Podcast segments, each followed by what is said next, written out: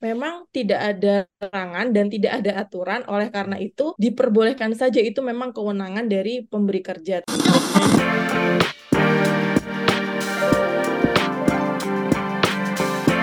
Hai sahabat TCID, kalian sedang mendengarkan podcast Suara Akademia. Ngobrol seru isu terkini bareng akademisi. fresh graduate deg-degan nih. Bulan kemarin di Twitter rame pemberitaan bahwa ketika seseorang melamar kerja itu bakal dicek um, skor kreditnya gitu. Jadi uh, lagi rame jadi bahan obrolan bahwa perusahaan itu lagi ramai-ramainya menggunakan skor BI checking sebagai salah satu faktor penentu um, seseorang itu bakal diterima menjadi pegawai mereka atau tidak. Um, ada argumen yang bilang bahwa kayak ya mereka kan kerja buat melunasi utangnya gitu. Terus ada juga argumen yang bilang bahwa um, perusahaan tuh bisa melihat seseorang calon pegawai ini bagus atau tidak dari skor kreditnya dalam pengambilan keputusan. Ya, uh, debatable sebenarnya, tapi kita harus melihat juga dari sisi hukum ketenaga kerjaan nih Sobat TCID. Sebenarnya perusahaan tuh boleh nggak ya nyentuh-nyentuh skor BI checking itu, ini langkah yang etis atau enggak, dan apakah sebenarnya sudah diatur sama pemerintah gitu buat ngecek BI checking kantor kayak gini-gini. Kita bakal ngobrol soal permasalahan skor BI checking, perekrutan tenaga kerja, dan etis atau enggaknya yang dilakukan oleh perusahaan di Suara Akademia kali ini. Saya Muhammad Syarif, saya podcast produser dari The Conversation Indonesia, dan kali ini kita bakal ngobrol sama Mbak Ayunita Nur Rohanawati. Beliau adalah dosen dari Fakultas Hukum Universitas Islam Indonesia. Lebih tepatnya emang beliau concern di hukum ketenaga kerjaan. Halo Mbak Ayunita, apa kabar Mbak? Halo, selamat sore Mas Muammar. Uh, um, baik, Alhamdulillah. Oke, okay, nice to know it. Alhamdulillah. Mbak Ayunita nih, mungkin pertanyaan pertama saya ketika ini muncul di Twitter ya, gitu. Apalagi di akun-akun Workman Fest, uh, correct me if I'm wrong gitu. Tiba-tiba ada yang mengeluhkan bahwa BI checking ini tuh dicek buat orang yang mau masuk kantor gitu, buat calon pegawai. Ada pendapat Mbak soal pemberitaan yang kayak gini-gini Mbak?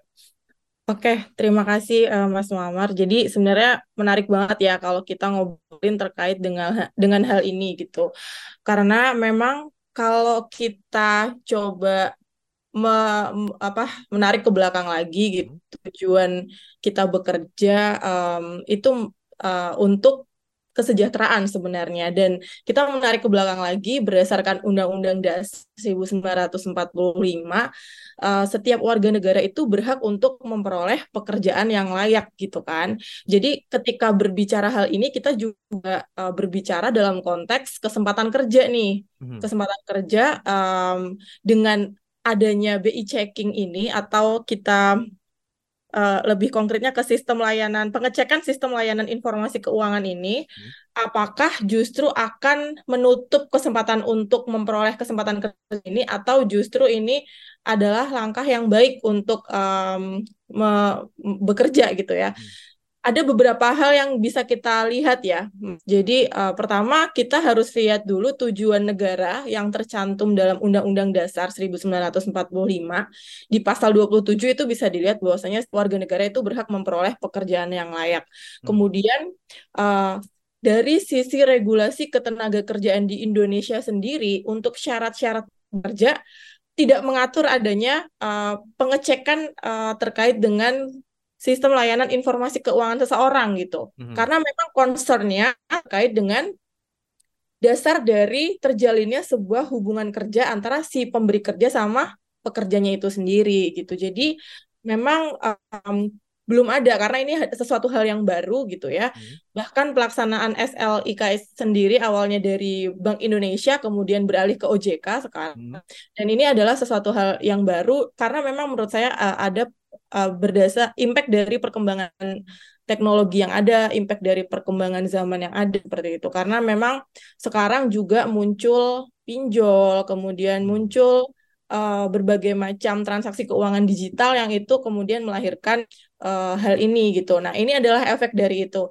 Maka sebenarnya kita juga nggak bisa menyalahkan pengusaha karena tidak hmm. diatur maka di sini tidak bisa disalahkan di satu sisi hanya saja perlu dipikirkan ketika begitu strict menerapkan SLIK ini, apakah akan membuka peluang pekerja yang baik, atau di satu sisi justru menutup keran nih gitu. Menutup keran efeknya apa? Peningkatan angka pengangguran gitu. Gitu sih, Mas. I see. Tapi art, uh, tadi Mbak Ayunita udah nge-mention gitu, kalau ini sebenarnya belum ada peraturannya. Jadi sah-sah aja dong perusahaan kayak misalnya, oh saya mau punya pegawai nih gitu, tapi saya nggak mau diribetin sama kasus pinjol atau apa pun itu. Mereka menerapkan standar bahwa pegawai uh, kantor A skor di SLIK-nya harus bagus itu diperbolehkan dong secara uh, nggak langsung di aturan yang ada sekarang dong ya? Baik, terkait dengan hal tersebut memang tidak ada larangan dan tidak ada aturan oleh karena itu diperbolehkan saja itu memang kewenangan dari pemberi kerja tapi memang di satu sisi um, apakah ini kembali lagi saya katakan bahwa kita bekerja tujuannya untuk kesejahteraan. Mungkin hmm. calon pekerja ini, calon pekerja ini mendaftar pekerjaan untuk menutup hutang-hutangnya yang selama ini uh, di, dilakukan gitu ya hutang-hutang itu muncul karena memang untuk memenuhi kebutuhan sehari-hari yang dia tidak perlu karena tidak bekerja gitu. Memang sangat blunder sekali gitu. Tapi kalau memang untuk regulasi sendiri belum ada pengaturannya gitu. Belum ada pengaturan yang mengatur bahwa uh, pemberi kerja ini dilarang untuk mengecek SLIK seorang calon pekerja. Nggak ada, belum ada aturannya hmm. untuk itu. Sehingga memang masih uh, apa hanya instruksi aja dari Kementerian Ketenagakerjaan kalau kita baca itu memang uh, me menyatakan bahwa tidak ada kaitannya pengecekan SLIK dengan rekrutmen uh, tenaga kerja gitu. Jadi ya teknis perekrutan aja ya pada akhirnya ya dan itu nggak semua kantor juga kan melakukan hal itu gitu Mbak. Um, yang menjadi uh, pertanyaan saya adalah ketika memang ini tidak ada aturannya dan perusahaan sementara diperbolehkan gitu kan Mbak, yang bikin deg yang deg-degan kan ini ya um, orang yang mau ngelamar kerja nih karena kayaknya nggak semuanya punya knowledge soal SLIK gitu atau mau ngecek SLIK-nya sendiri aja kadang-kadang masih nggak tahu gimana caranya ya kan impact yang muncul kalau pada akhirnya nih Mbak banyak perusahaan yang melakukan langkah ini nih either positive or negative gitu. Kira-kira apa aja yang Mbak yang bakal muncul ya? Mungkin dari positifnya dulu kali Mbak. Oke, okay. um, kalau dari sisi positifnya, memang uh, masalah pinjol ini uh, masalah yang cukup besar ya untuk saya, hmm. saya rasa karena memang siapa pun bisa menjaminkan siapa pun untuk uh, pinjol itu dan uh, penagihannya pun sangat mengerikan gitu yang saya lihat-lihat di kita gitu dan beberapa pengalaman teman-teman saya yang tiba-tiba dapat apa namanya uh, SMS atau WA yang menyatakan bahwa mereka adalah sebagai penjam dari pinjaman online seseorang hmm. yang relasinya juga cukup jauh gitu kan. Mungkin di satu sisi uh, sisi positif dari pengecekan SLIK ini adalah prinsip kehati-hatian dari pemberi kerja itu sendiri sih. Prinsip kehati-hatian bahwasanya um, tidak semudah itu si pekerja nantinya akan menjadikan rekan kerjanya atau perusahaannya sebagai penjamin dari pinjaman online yang dilakukan oleh si calon pekerja itu. Hmm. Karena memang uh, pinjol ini um, pada praktiknya dia bisa menjaminkan orang lain uh, sebagai penjamin yang tidak memiliki relasi yang cukup dekat gitu. Itu kan sangat berbahaya. Tetapi memang di satu sisi sisi negatifnya peluang atau kesempatan kerja itu terbatas bagi pencari kerja. Sedangkan di satu sisi pemerintah sudah mengatur di um, peraturan pemerintah tahun 2013 uh, eh, peraturan pemerintah nomor 33 tahun 2013 tentang hmm. perluasan kesempatan kerja. Jadi pemerintah ini sudah membuat regulasi sedemikian rupa gitu ya untuk uh, perluasan kesempatan kerja karena mengingat uh, jumlah penduduk Indonesia yang tinggi gitu dan usia produktifnya sangat banyak tetapi angka pengangguran juga sangat tinggi gitu. Ya. Jadi bahkan pemerintah membuat regulasi ini ketika SLI ini dilakukan bisa jadi ini justru akan menutup uh, peluang atau kesempatan kerja bagi si pencari kerja ini. Kemudian kedua pasti akan menaikkan angka pengangguran manakala sekarang uh, misalnya um, model-model pinjol atau berbagai macam uh, platform yang dia menawarkan uh, angsuran-angsuran uh, seperti itu itu kan dia juga akan terdetek di SLIK atau BI hmm. checking hmm. itu ya jadi dia uh, malah cenderung uh, ya udah nggak usah diterima kalau dia banyak banget tagihan-tagihan atau hutang-hutangnya gitu justru itu akan apa menutup karena anak muda zaman sekarang ini apa-apa dia juga akan uh, beli. Dia ngerasa kayak oh ini sangat membantu nih untuk memperoleh barang itu dengan mekanisme angsuran ini. Ternyata itu kedetek oleh BI checking SLIK dan itu dia nggak bisa kerja karena itu. Itu agak blunder. Jadi memang uh, sisi negatif kedua ialah menaikkan angka pengangguran yang mengakibatkan pada kesejahteraan masyarakat itu sendiri. Gitu sih mas. Alright. Nah perusahaan kan kadang-kadang ngerasa um, saya yang punya duit nih dalam tanda petik ownernya ya. Jadi saya tuh um, pengen dong pegawainya um, performanya bagus habis itu um, tidak punya masalah sebelum masuk gitu kan. Dan ya tidak akan merepotkan pegawai-pegawai yang sudah existing nih mbak gitu. Sedangkan Slick ini dipakai untuk jadi background checking terbaru. Biasanya kan background checking cuman ngecek CV nelpon orang-orang yang pernah bekerja sebelumnya atau apa ya SKCK lah cukup gitu. Tiba-tiba ada pengecekan slick nih lagi gitu. Perlu regulasi khusus nggak mbak ya? Kira-kira dari Kementerian Tenaga Kerja gitu buat ngasih tahu perusahaan kalau kalau buat ngerekrut orang tuh ada yang begini begini begininya gitu. Cek slick tuh boleh tapi dengan syarat apa gitu gitu perlu nggak sih mbak? Karena kan kayaknya kalau dari obrolan yang tadi tuh hanya belum belum seketat itu kali ya kalau dalam proses background checking dan lain-lain gitu ya Ya, uh, jadi memang kalau saya sendiri coba untuk membaca dan memahami SLIK ini, ternyata sangat mudah untuk pengecekannya. Di satu sisi, uh, saya cukup khawatir dengan bagaimana perlindungan untuk data pribadi mereka ya. Tapi memang kita hmm. nggak akan diskusi terkait perlindungan data pribadi, tapi uh, itu juga harus dilindungi gitu bahwa kok bisa semudah itu gitu orang um, mengakses dan um, menurut saya itu adalah urusan pribadi gitu. Misalnya gini, kita mau rek dari perusahaan atau pemberi kerja mau rekrut dengan syarat um, kita harus cek SLIK atau SLIK yeah. tadi gitu. Kemudian kita ngecek, oh ternyata dia di level 5 gitu. Level 5 hmm. itu kan level yang terberat ya.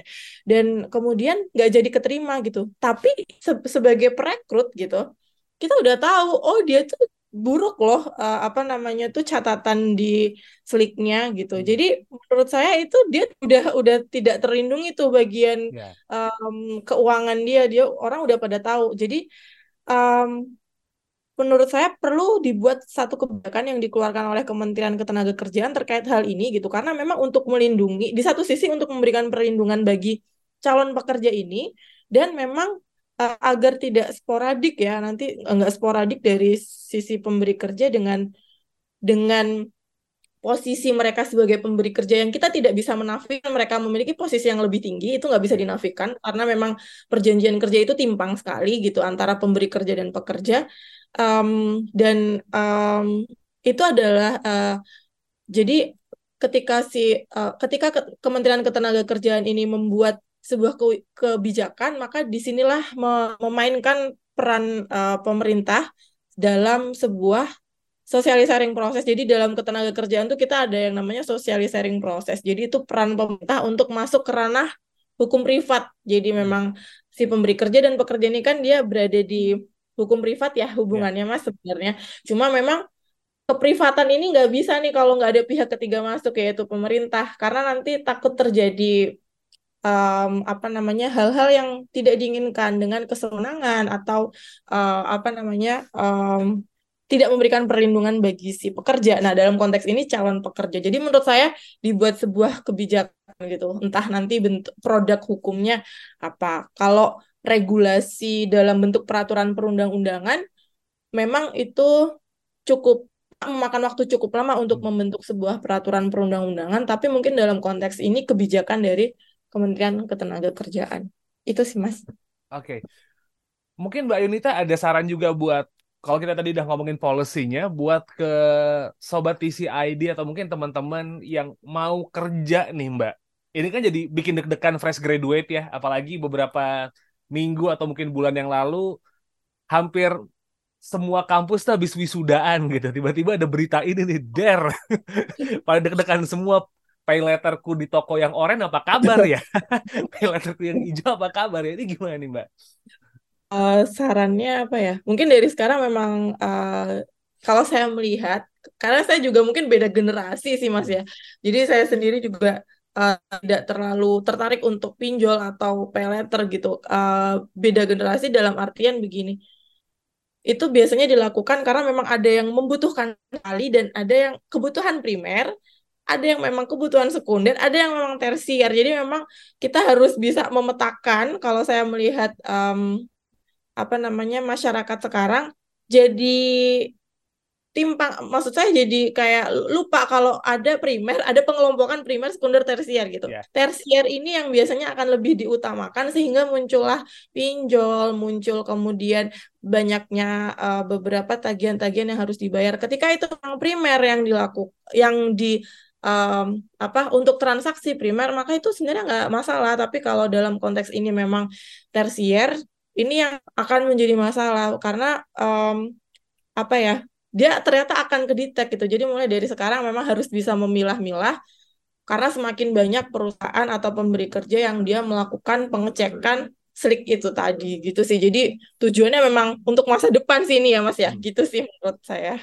Memahami regulasi tenaga kerja juga penting dong ya Mbak Yunita ya. Selain oh, iya, memang skor kredit ya. iya, tapi memang ketenaga kerjaan regulasinya berjalan sangat lambat sekali gitu. Hmm. Lambat uh, kontroversial. Apalagi yang terbaru ini ya ada ketokan Palu MK. Oke. Okay. Gitu. Baik, Mbak Ayunita mungkin ada yang disampaikan lagi Mbak mengenai um, ya ini sebenarnya bukan hal yang baru dalam tanda petik karena background checking pasti dilakukan perusahaan gitu, tapi um, perkembangan teknologi membuat perusahaan melakukan pengecekan sampai ke SLIK gitu Mbak. Mungkin ada yang disampaikan lagi kah ke yang dengerin gitu? Oke, okay. Uh, mungkin yang saya sampaikan lagi, kita nggak bisa menafikan kemajuan teknologi yang ada. Ini mungkin selain berbicara SLIK, tapi juga pesan untuk semuanya sih ya. Dengan kemajuan teknologi semakin mempersempit uh, potensi kita untuk bekerja di sebuah tempat kerja atau perusahaan atau apa pun di tempat bekerja gitu. Karena memang mereka lebih memilih untuk um, bekerja dengan menggunakan kecanggihan teknologi gitu. Hmm. oleh karena itu memang penting banget untuk anak muda zaman sekarang dia punya potensi diri yang memang harus diasah gitu. Yang memang dia oh aku punya kelebihan ini jadi harus benar-benar diperdalam aja. Karena menurut saya itu penting. Ini saya sampaikan mumpung ada kesempatan ya mas ya. Hmm. karena memang banyak tidak dipahami. Jadi selama ini saya melihat bahwa tujuan mereka kuliah tuh lulus aja gitu. Tanpa yeah. mereka memahami bahwa itu punya potensi apa sih kelebihan saya tuh di mana? Oh di sini gitu. Harus ada kelebihan mereka dibanding teknologi. Jadi kemudian um, itu mereka menjadi orang-orang yang terpilih nggak yang reguler-reguler aja gitu yang biasa-biasa aja ini mumpung ada kesempatan ya Mas Muammar jadi saya ingin menyampaikan ini kemudian yang kedua terkait dengan SLIK ini sekali lagi saya sampaikan harus bisa membedakan kebutuhan primer, sekunder, tersier jadi memang ketika memang betul-betul butuh uh, maka gunakan nggak apa-apa menggunakan uh, kemudahan yang ada pay letter dan sebagainya. Tapi memang di satu sisi dihindari, apalagi kalau pinjol saya sih uh, menyarankan untuk betul-betul dihindari. Kalau pay letter oke okay lah masih oke, okay. tapi memang uh, diprioritaskan untuk kebutuhan primer sekunder saja. Ketika gaya hidup itu udah kita berusaha masuk bisa ngikutin itu akan um, ya mematikan masa depan juga ketika memang kita coba apply ke pemberi kerja ternyata memang pemberi kerja melakukan SLIK dan kita masih terima itu tadi gitu. Itu sih Mas. Um, mungkin bisa ditutup Mbak. Jadi bukan soal etis nggak etis ya ini ya, karena memang tidak ada yang mengatur, jadi boleh-boleh saja dan sah-sah aja ya Mbak ya. Boleh dan sah aja, tapi memang di satu sisi uh, bagi pemberi kerjanya itu sendiri sih, saya juga uh, ingin menyampaikan bahwa di satu sisi kita nggak bisa menutup mata untuk oh dia di grade 5 tapi mungkin ada perlu pertanyaan mendalam gitu. Nggak apa-apa ditanyakan dalam wawancara misalnya uh, kenapa untuk kebutuhan apa misalnya seperti itu. Karena udah udah ter, terlanjur mengupas nih, dia udah yeah. Mengupas melalui SLIK. Maka dalam hal ini perlu ada konfirmasi setelah hmm. mereka mengecek, perlu ada konfirmasi untuk kebutuhan apa. Mereka harus tahu terkait hal itu. Jadi nggak bisa menutup mata, oh udah udah grade 5, terus nggak usah perlu ada konfirmasi menurut saya itu kurang tepat karena uh, perlu bijak lah ya. Jadi nggak semata-mata oh udah grade 5 ya udah langsung tolak jangan. Tapi konfirmasi siapa tahu itu memang kebutuhan pokok mereka yang memang mereka nggak nggak tahu lagi harus minjem ke mana kan zaman sekarang juga susah ya minjem ke saudara sendiri susah gitu akhirnya mereka uh, misalnya minjem ke melalui pinjol atau kemudian mereka dengan pay letter karena memang nggak ada opsi lain. Jadi perlu konfirmasi. Jadi memang perbijakan teknologi yang ada atau uh, sebuah hasil pengecekan yang ada perlu konfirmasi itu sih menurut saya sehingga tidak merugikan orang lain. Mungkin mungkin ya Mas ya orang si calon pekerja ini punya potensi yang sangat bagus, tetapi gara-gara dia berada di grade 5 terus ditolak itu kan sangat sayang gitu. Maka hmm. perlu setelah pengecekan perlu ada konfirmasi melalui wawancara itu sih. Itu okay. Mas Mat. Kalau begitu Mbak Ayunita Nur Rohanawati dari Fakultas Hukum UII sudah ngobrol-ngobrol kali ini. Thank you so much Mbak buat waktunya Sama-sama. dan juga ya. um, jawaban-jawabannya dan buat sobat TCID kalau memang pengen tahu berita-berita yang lain dari The Conversation Indonesia bisa langsung cek aja website kami theconversation.com slash ID that's our website or just follow our social media di at conversation IDN. Anyway, tulisannya Mbak Ayunita juga uh, menarik-menarik gitu mengenai dosen adalah buruh yang terbit di berapa waktu yang lalu ya? Awal Mei kemarin Mei, ya, Mbak ya? Satu Mei. Satu Mei ya. Hari buruh. itu menarik jadi langsung cek aja tulisannya. Kalau begitu, it's a wrap for this episode. I'll see you on the next week. Wassalamualaikum. Kalian telah mendengarkan podcast Suara Akademia, ngobrol seru isu terkini bareng akademisi.